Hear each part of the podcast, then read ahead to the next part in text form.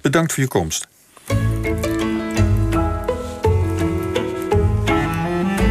De column van Nelke Noordervliet.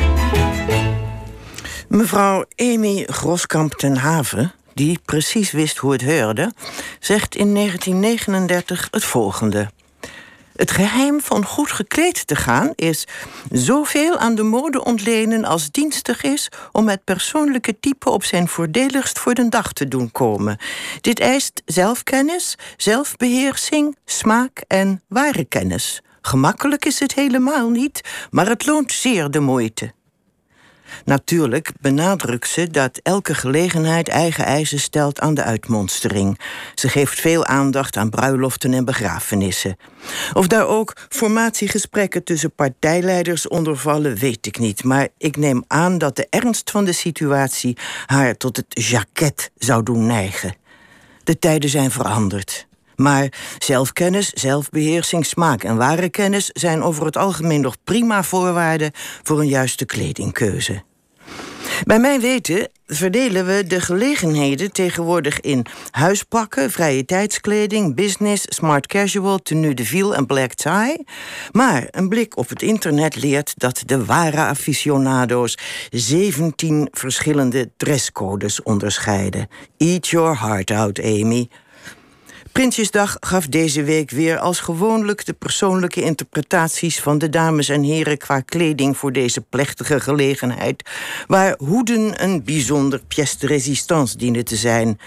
Vogelnesten, dopjes, baretjes, wagenwielen, schoorstenen, flaphoeden, neepjesmutsen en elke mogelijke variant erop worden gesignaleerd. In veel gevallen schittert het kwartet zelfkennis, zelfbeheersing, smaak en ware kennis door afwezigheid. Het dieptepunt van obsessief gemanipuleerd kleedgedrag ten behoeve van de persoonlijke boodschap is de door Mark Rutte in het leven geroepen dresscode voor heisessies, katsberaden en zondagse formatiegesprekken, vrije tijdskleding. Wie van voetballen houdt, mag in zijn Ajax-shirt komen. Wie graag tennist, heeft een witte polo aan. De fanatieke wandelaar doet het in een afritsbroek. De kerkganger houdt het bij een veehalstrui over een overhemd. De bakfietsmoeder doet een bodywarmer over haar King Louis jurkje. Afgelopen maandag verslikte half Nederland zich in zijn ochtendkoffie door de aanblik van het ochtendkloffie van Rutte, Kaag en Hoekstra. Eindelijk werd er weer eens hartelijk gelachen aan de ontbijttafel.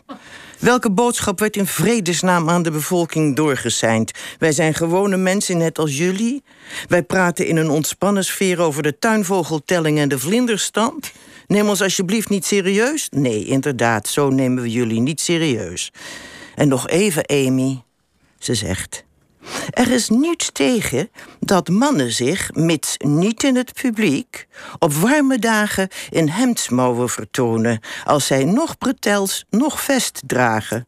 Jongere mannen kunnen zich bij grote warmte zeer goed in polohemd en lichte pantalon vertonen in het publiek, mits voor zes uur des avonds en nimmer bij officiële of semi-officiële gelegenheden. Nou, het is maar dat we het weten.